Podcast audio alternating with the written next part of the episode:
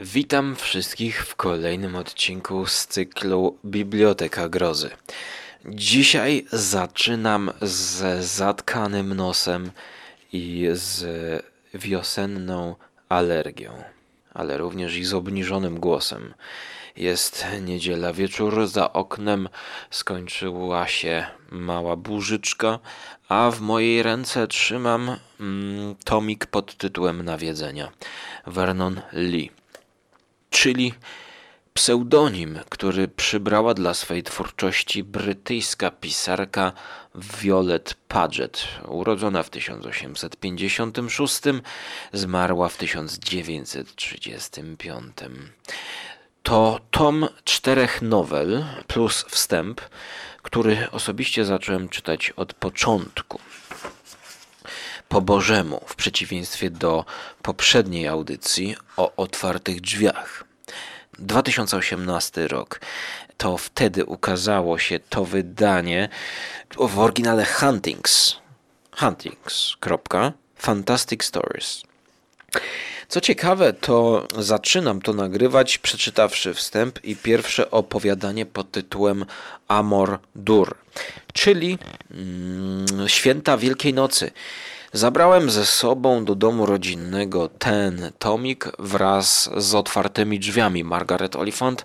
I koniec końców, kiedy zacząłem czytać otwarte drzwi, pomyślałem, że lepiej odłożyć to, to opowiadanie konkretne, żeby przeczytać je w, chyba w klimacie może bardziej wiejskim i no, po tylu próbach, po tylu sytuacjach, w których nie byłem zachęcony do czytania Vernon Lee, zacząłem. Zacząłem w święta Wielkanocy. No i jak to będzie, to się okaże. Natomiast, co trzeba powiedzieć, tego nie wiem, ale na pewno trzeba podziękować patronom audycji Skóry, którzy wspierają tę serię i również inne. I również Was zachęcam i zapraszam do wsparcia na serwisie Patronite pod tytułem Audycja z Kury. A po intro wracamy do opowieści.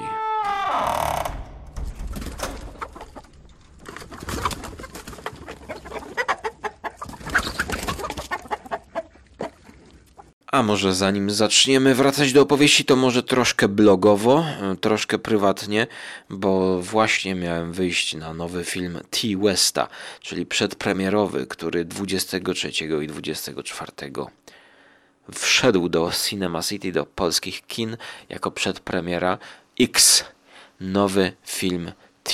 Westa, którego uwielbiam chyba bardziej niż Eggersa, e, chociaż uwielbiam go coraz mniej bo zaczął świetnie Devils, The House of the Devil, a w przeciwieństwie do Eggersa, jakby Eggers staje się chyba lepszy, ale chyba właśnie ta późna godzina, czyli 21 godzina i dalszy oddział kina, w którym odbywała się ta premiera, spowodowała, że do, do ostatniej, w ostatniej chwili zrezygnowałem.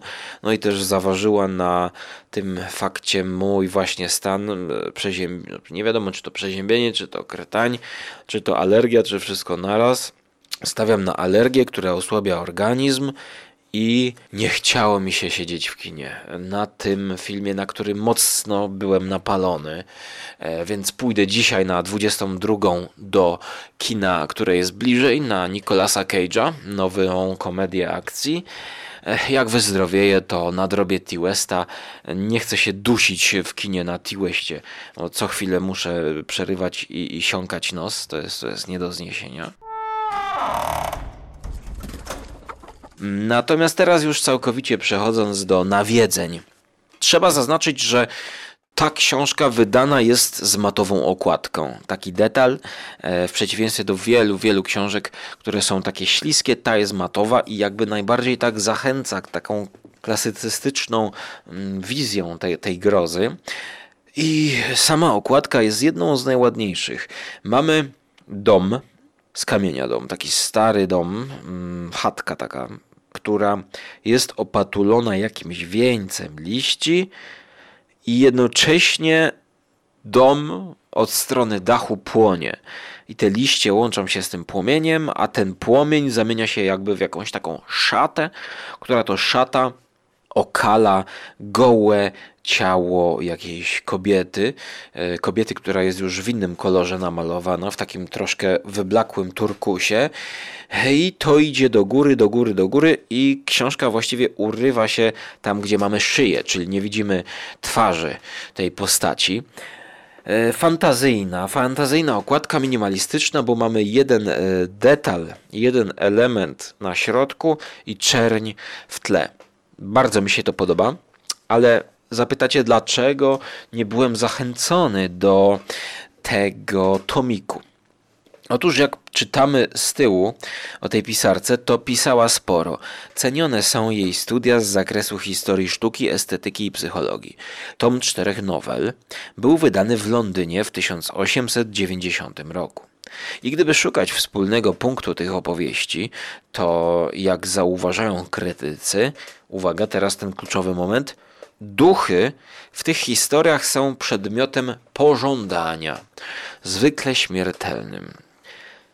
Zapowiadało mi to historię w stylu zakochał się w duchu, a duch go wystraszył.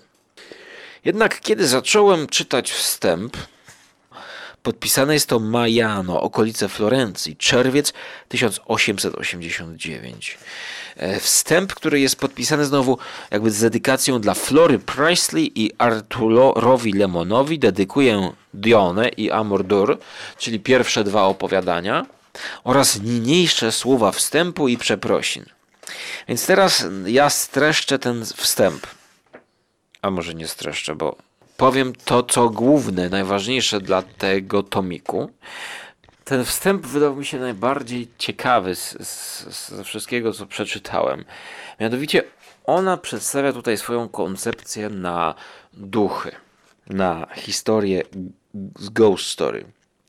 E, wspomina o tym, że należy się zgodzić, zapoznawszy z bogatym, że prawdziwą opowieść o duchach można poznać po tym, że nie opowiada o nikim specjalnym, nie ma morału ani nie cechuje się szczególną malowniczością i ogólnie rzecz biorąc jest płaska, nudna i bezproduktywna.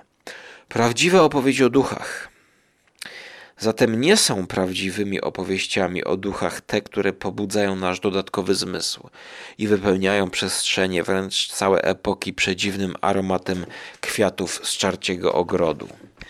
Prawdziwy duch, czy to nie właśnie ten zrodzony z nas samych, z dziwnych miejsc, które widzieliśmy, z dziwnych opowieści, które słyszeliśmy, Czemu ma służyć to widziadło szacownej starej panny?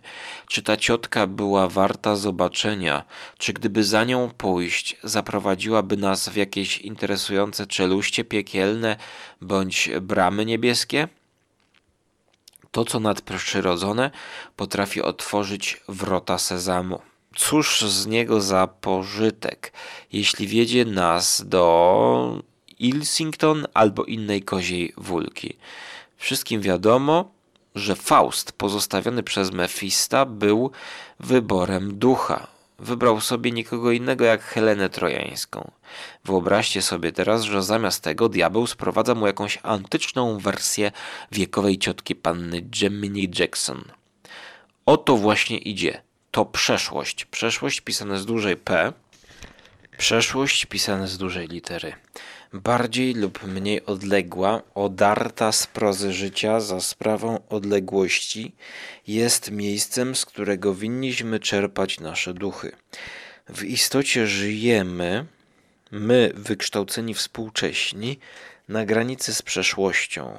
Dlatego też moje cztery skromne nowelki nie traktują o duchach w znaczeniu naukowym, nie opowiadają o nawiedzeniach, które zainteresowałyby Towarzystwo Badań Psychicznych, ani o upiorach, które da się przyłapać w konkretnych miejscach i zmusić do zeznań. Moje duchy można by nazwać duchami fałszywymi, które według mnie są jedynymi prawdziwymi duchami, o których mogę powiedzieć z całą pewnością jedno, że nawiedzały pewne umysły, w tym mój i moich przyjaciół. Twój drogi Arturze Lemonie, na mrocznych ścieżkach, wśród wysokich paproci i widmowych sosen południa, i twój, droga Floro Priestley, wśród drzew oliwnych skąpanych w promieniach księżyca, gdy nocne morze ryczało i zawodziło, waląc w zmurszałe ściany domu, z którego szelej odpłynął na wieki. Ojku, przepraszam za dzisiejszy mój stan, ale muszę to nagrać, bo już zaczynam zapominać. I właśnie tutaj mamy ogólnie podsumowując przedstawienie koncepcji ducha. I ja się tak zastanawiałem, że to jest najciekawsza rzecz e, z całego tego tomu, czyli to, że właściwie ona będzie wymyślać czy czerpać jakieś duchy z przeszłości. No ale co to będą za duchy? Więc w pierwszym opowiadaniu mm, narrator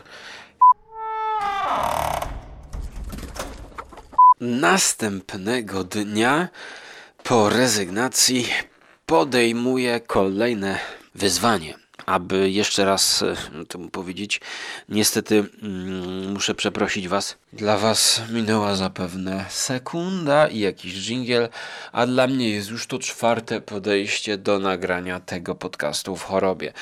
E, kilka prób, plus e, próba, kiedy zacząłem gadać pół podcastu i okazało się, że nie nacisnąłem guzika nagrywaj.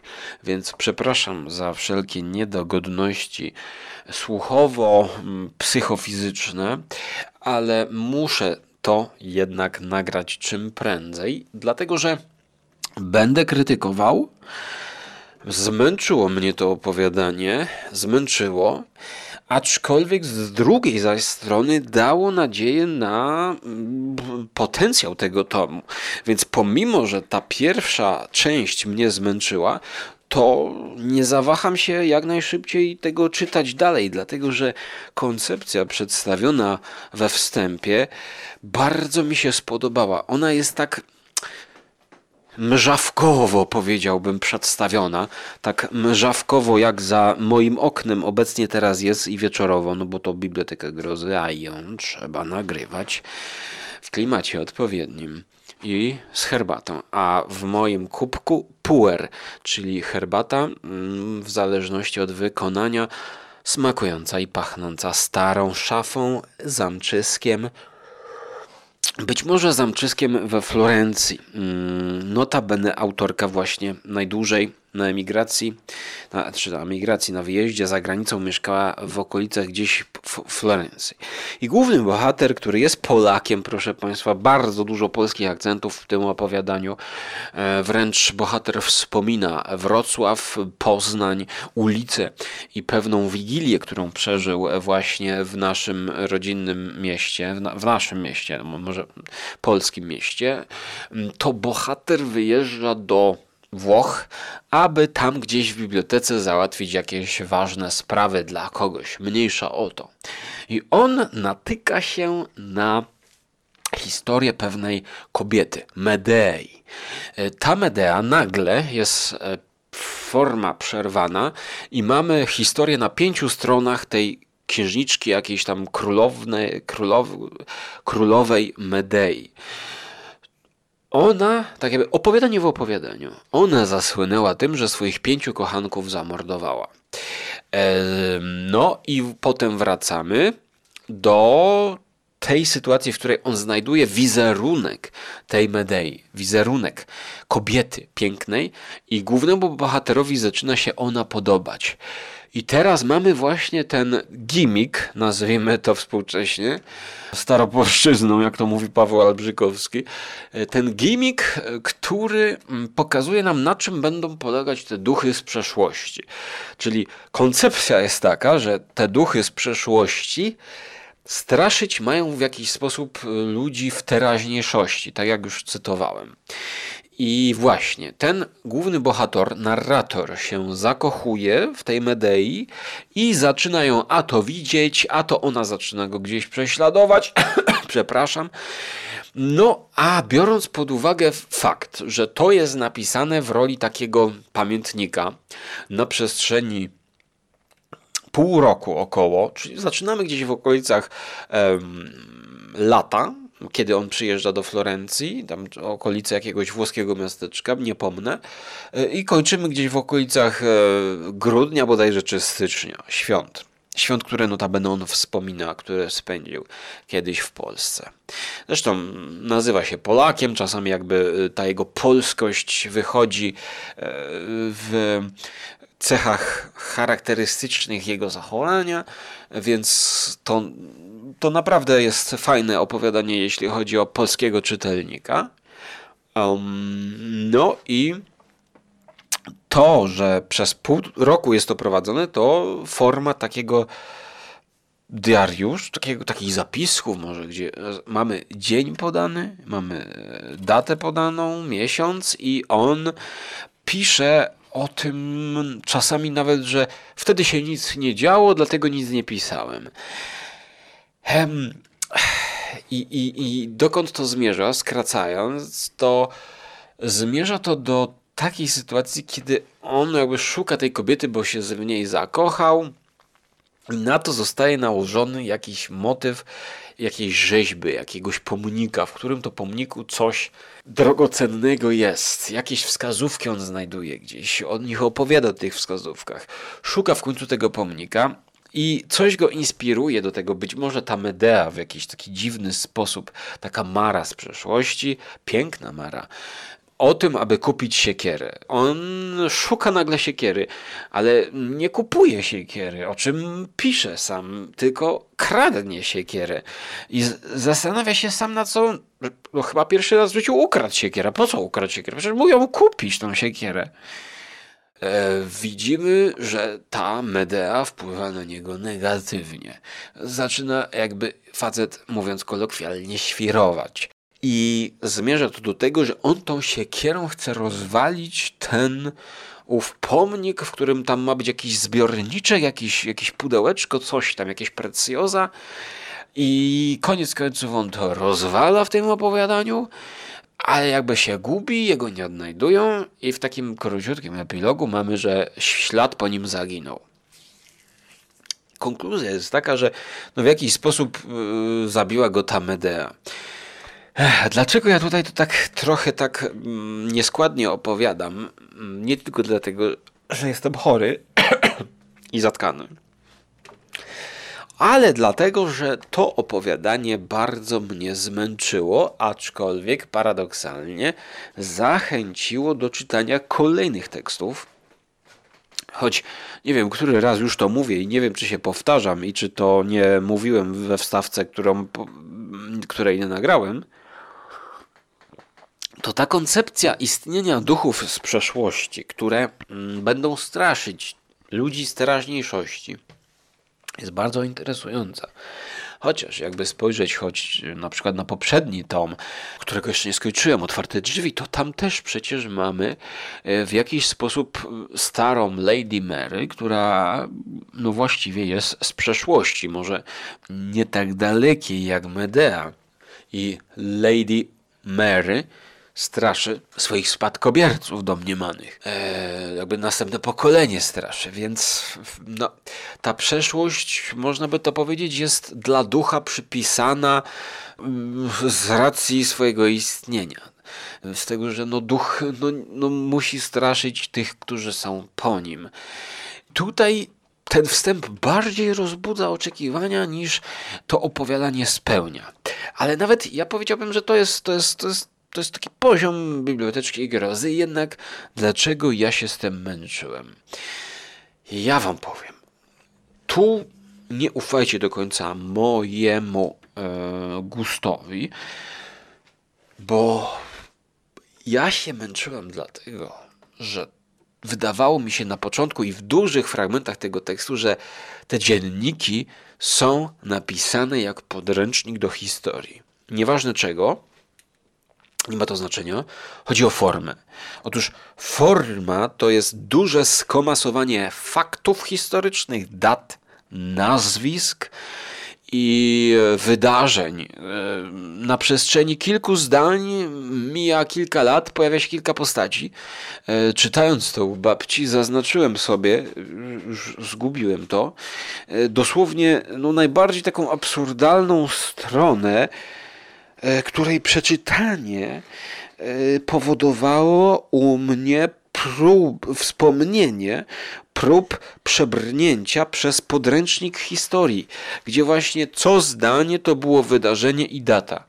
Nauka tego to dla mnie był koszmar.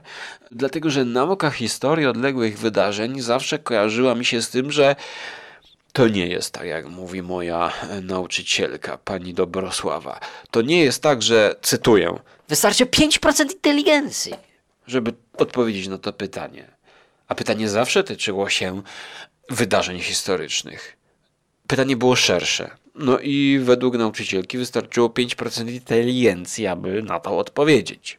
Trzeba dla mnie, dla mojego jakby umysłu, to raczej było wielokrotne czytanie podręcznika, powtarzanie, to nic, że powiedzmy, no nie wiem, tata to próbował mi opowiedzieć jakieś zdarzenie, tak? No bo jeżeli nawet ktoś mi e, pomagał w nauce historii i zwizualizował e, jakieś ważne wydarzenia w formie opowieści, no to okej, okay, ja tę opowieść w miarę rozumiałem, tak? Rozumiałem przyczyny, skutki tej historii ale jednak przecież jak się przygotowuje do kartkówki, to trzeba było wykuć te daty, te nazwiska też trzeba było wykuć. I tu już dochodzimy do takiego momentu, gdzie może się to pomylić. I no w moim umyśle, mm, jeżeli mnie słuchacie często jak ja, ja streszczam, to ja sprowadzam historię do takiego minimum, do takiego, do takiego szkieletu powiedziałbym, tak? Czyli, że jest bohater, jest y, czasownik jakiś, on coś robi, wydarzenie jest i jakby nie interesują mnie, mnie imiona, nie interesują mnie daty, interesuje mnie bardziej może linia fabularna. Może to dlatego, że ja wszystko rozbieram na fakty, tak jak w świetnym podręczniku do, znaczy na fakty, na, na zdarzenia, tak jak w świetnym podręczniku który mocno zmienił moje podejście właśnie do filmów, scen, jak napisać scenariusz. W Polsce wydane wydawnictwo yy, Wojciech Marzec. E, I tutaj ja się po prostu gubiłem w tej historii, a szczególnie yy, zaznaczyłbym tutaj moment, kiedy pojawia się opowieść o tej Medei, no, która przecież jest kluczową postacią dla inspiracji, dla, yy, która to postać wpływa bezpośrednio na naszego narratora. Dobrze, nie będę gołosłowny, dam wam próbkę ze strony 13 z dnia 9 września, czyli tuż przed moimi urodzinami. E, tutaj zaczyna się opowieść o Medei. Historia Urbanii, Urbania to jest miejscowość niepozbawiona jest wątku miłosnego, choć wątek ten został pominięty przez naszych kronikarzy.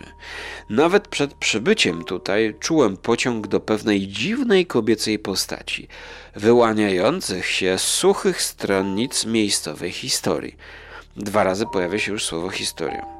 Autorstwa Gualteria i Padre de Sanquista Kobietą tą jest Medea, córka Gelatto IV Malatesty, lorda Carpi, z początku żona Pierluigiego Orsiniego, księcia Stimiliano, a następnie Gudy Alfonsa II, księcia Urbanii, poprzednika wielkiego księcia Roberta II. Czujecie ten klimat? Mm, współczujecie mi? Ja to musiałem przeczytać do końca. Historia i charakter tej niewiasty przypominają Biankę Capello, a jednocześnie Lukrecję Borgie. Urodzona w 1556 roku, w wieku 12 lat została zaręczona z kuzynem, Malatestą z rodu Rimini. Ponieważ ród ten z czasem stracił na znaczeniu, zaręczyny zerwano i rok później została przyobiecana wielmoży z rodu Pico i zaślubiona z nim poprzez pełnomocnika w wieku 14 lat. Partia ta jednak nie zaspokajała ambicji ani jej, ani jej ojca. Tak więc małżeństwo na odległość zostało pod jakimś pretekstem uznane za nieważne. A o jej rękę zaczął zabiegać książę Stimiliano, wielki umbryjski feudał z rodu Orsinich i został łaskawie przyjęty. Jednak poprzedni oblubieniec, Giorgio Francesco van Pico, kurka wodna, to coś tam zrobił i coś tam. I teraz to jest po kolei, to jest 9 wrzesień. I teraz, proszę bardzo, proszę mi streścić tą historię. Na kartkówce pytanie. Proszę wykazać, e, skąd wzięła się e, księżna, e, księżniczka Medea w Palazzo dei Campi Fiora di Campi Bacquagiano. I teraz, no, swoimi słowami. Przeczytałem to przed sekundą. I w jaki sposób ja mam swoimi słowami napisać tę historyjkę, która jeszcze się toczy przez następne cztery strony, opowiadając o księżniczce w ten sam sposób, streścić swoimi słowami, jeśli nie będę pamiętał, że to chodzi o księżnę Biankę Capello, urodzoną w 1556. W wieku 12 lat została zaręczona z kuzynem. To trzeba wiedzieć, że z kuzynem. Z kimś ze swojej rodziny, tak? Malatesto, z rodu Rimini. No to tak jakbym się uczył do historii, to no dobra, pominę, że to jest Rimini. Ale cholera wie, czy na czwartej stronie nie wróci, że potem ci Rimini się spotkali e, z rodem Piździni i z tego nie wynikły konsekwencje, więc może warto by wyko- wykuć, że kuzyn Malatesta to był Rimini. No i w sumie uczysz się o tej historii, to jest ten XV wiek Włochy, uczysz się i, i, na, i sobie przypominasz, kto? Ryszard? Nie, nie, nie, to był jakiś Pindzirindzi? Rim, Rimini, aha, ale Malatesta, Ri, zaraz, on był mieszk... A, to Ród był Rimini, o matko. I w ten sposób trzeba było to wszystko wykuwać. Dla mnie czytanie tego opowiadania było po prostu udręką, geheną. To jest druga rzecz, którą biorę do. e, To chyba było gorsze niż, niż jak ja się męczyłem przy opowiadałem w poprzednim odcinku o Old Lady Mary. To, to, o. Old Lady Mary było po prostu może rozwleczone i nudne, a to jest jak cofnięcie się na, na dzień przed egzaminem z historii w moim liceum. Po prostu ja naprawdę cierpiałem czytając to. I, I uwierzcie mi, że ja no nie chcę wystawiać oceny cyfrowej, bo jeżeli dla was ta forma tych pamiętników, tych wydarzeń, ach ta med- nie, te nazwiska, matko, przepraszam bardzo, ale pff, pomysł świetny, tak? Niech w jakiś sposób ta, ta przeszłość, nawet daleka, straszy ludzi. Straszy ludzi, choć mało wiarygodne jest to, że facet zakochał się w obrazku. Oczywiście w te obrazku Medei, w jakiejś jej podobiznie, tak? I ta Medea była przeklęta, bo ona sprowadziła swoich pięciu kochanków do e, samobójstwa, czy jakiegoś tam zabicia ich, nie pamiętam już. Okej, Pff, przekładając na czasy dzisiejsze, powiedzmy, y, jakiś giczek ogląda sobie film, powiedzmy, z Ritą Hayworth, czy nie wiem, z Jean Seberg, Anną Kareniną, Anną Kariną, dowolną, piękną aktorką, zakochuje się w niej, popada w jakąś obsesję, szuka jej filmików, gazet, zdjęć, wszystkich materiałów i to na niego działa negatywnie. Jestem za. Podoba mi się ta koncepcja, ale nie sprawdza mi się to w tak drobiazgowym ujęciu, e, w tak ujęciu skupiającym się na tych detalach historycznych, na tych e, datach, nazwiskach, na, na tej formie samego pamiętnika. Po prostu konceptualnie jestem na tak, ale w praktyce był to koszmar. I to nie jest pozytyw w kontekście, e, to nie ma być komplement w kontekście e, miejsca, w którym nagrywamy, czyli biblioteka grozy. Ale nie chcę hejtować, czyli nie chcę, e, nie chcę tutaj się nakręcać negatywnie, bo jeżeli ta koncepcja mi się podoba, to mam nadzieję, że kolejne opowiadanie, jakie mnie czeka w tej no, nie za długim tomiku, to jest 165 stron, może mnie zaskoczy, aczkolwiek tutaj widzę pewien dualizm e, w tych tytułach mm, i, i, i w tym początku. Pierwszy to jest Amordur, a drugi to jest Dionea. E, Dionea jest może niecałe 30 stron, e, więc słyszymy się, kiedy to przeczytam. I postaram się to zrobić w ten sposób, żeby to e, połączyć. Połączyć w jeden e, podcast, e, taki duecik zrobić.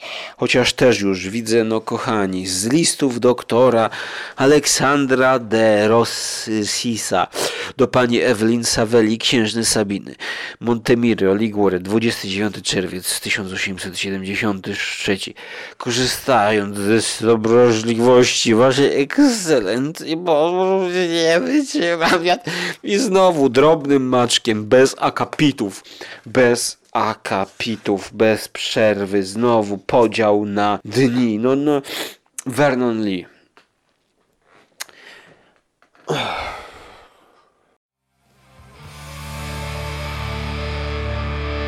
You finished? That's it, man. It's game over, man. It's game over. What the fuck are we gonna do now? What are we gonna do? It's over. Nothing is over! Nothing! You just don't turn it off!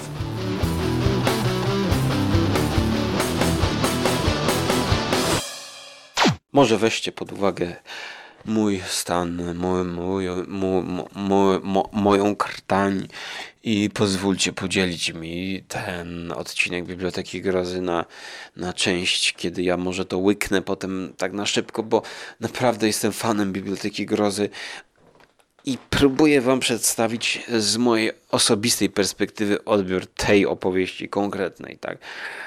Dlatego teraz dziękuję Wam za uwagę. Jak tylko wyzdrowieję, to podcasty będą dłuższe. A teraz idę pod kołderkę napić się herbatki.